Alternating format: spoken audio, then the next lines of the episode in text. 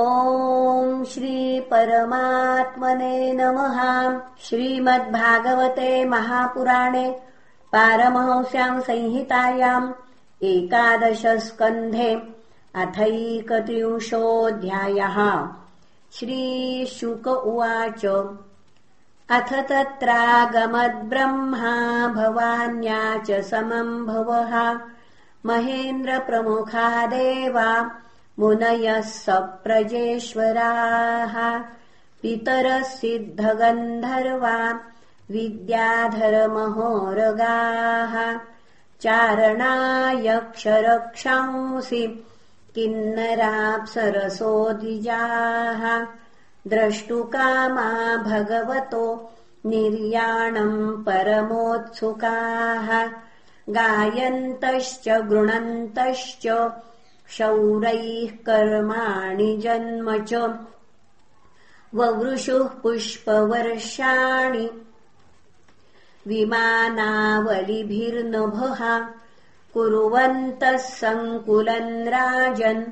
भक्त्या परमयायुताः। भगवान् पितामहम् वीक्ष। विभूतिरात्मनो विभुः संयोज्यात्मनि चात्मानम् पद्मनेत्रे न्यमीलयत् लोकाभिरामाम् स्वतनुम् धारणाध्यानमङ्गलम् योगधारणयाग्नेया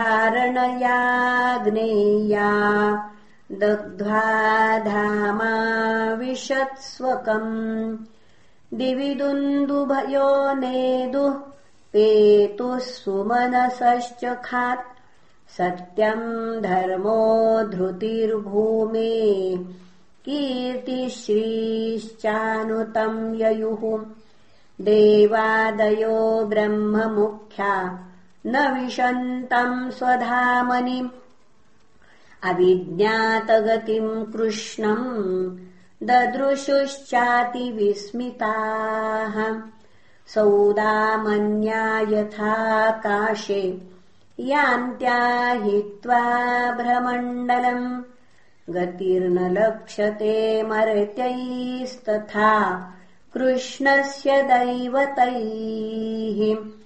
ब्रह्मरुद्रादयस्ते तु दृष्ट्वा योगगतिम् हरेः विस्मितास्ताम् प्रशंसन्तः। स्वम् स्वम् लोकम् ययुस्तदाम् राजन्परस्य तनुभृज्जननाप्ययेह। मायाविडम्बनमवेहि यथा नटस्य। सृष्ट्वात्मनेदमनुविश्य विहृत्य चान्ते संहृत्य चात्ममहिमोपरतः आस्ते। मर्तेन यो गुरुसुतम् यमलोकनीतम् त्वाम् चानयच्छरणदः परमाश्रदग्धम्। जिज्ञेन्तकान्तकमपीश मसावनीश किम् स्वावने स्वरनयन् मृगययुम्?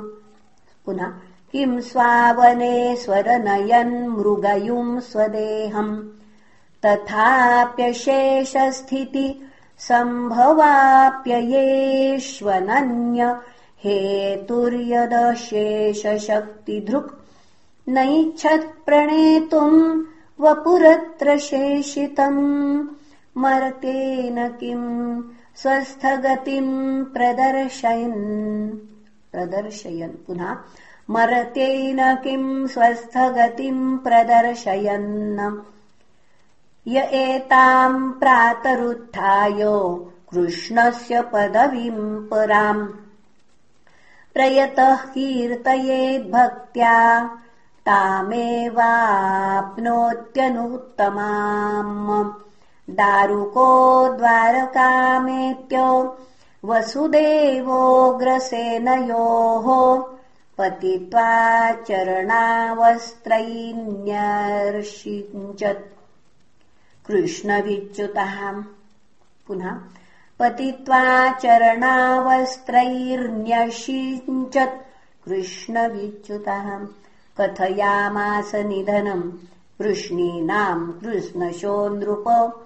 तच्छ्रुत्वोद्विग्नहृदया जनाः शोकविमूर्छिताः तत्र स्मत्वरिता जग्मु कृष्णविश्लेषविह्वलाः व्यसवशेरते यत्र ज्ञातयो घ्नन्त आननम्। देवकी रोहिणी चैव वसुदेवस्तथा सुतौ कृष्णरामावपश्यन्त शोकार्ता विजहुः स्मृतिम्। प्राणंश्च विजहुस्तत्रो भगवद्विरहातुराः। उपगुह्यपतिंस्तातुम् चितामारुरुः स्त्रियः। रामपत्न्यश्च मुपगुह्याग्निमाविशन् वसुदेवपत्न्यस्तद्गात्रम् प्रद्युम्नादीन् हरे स्नुषाः कृष्णपत्न्यो विशन्नग्निम् रुक्मिण्यास्द्यास्तदात्मिकाः अर्जुनः प्रेयसः सख्यो कृष्णस्य विरहातुरः।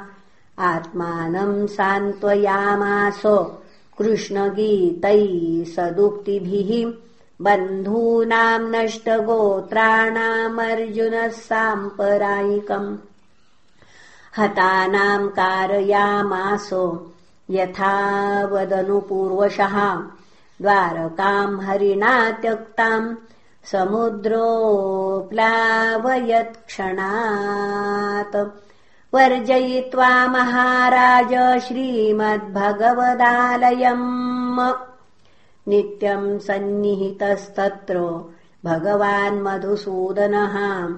स्मृत्याशेषाशुभहरम् सर्वमङ्गलमङ्गलम् श्रीबालवृद्धानादाय हतशेषान् धनञ्जयः।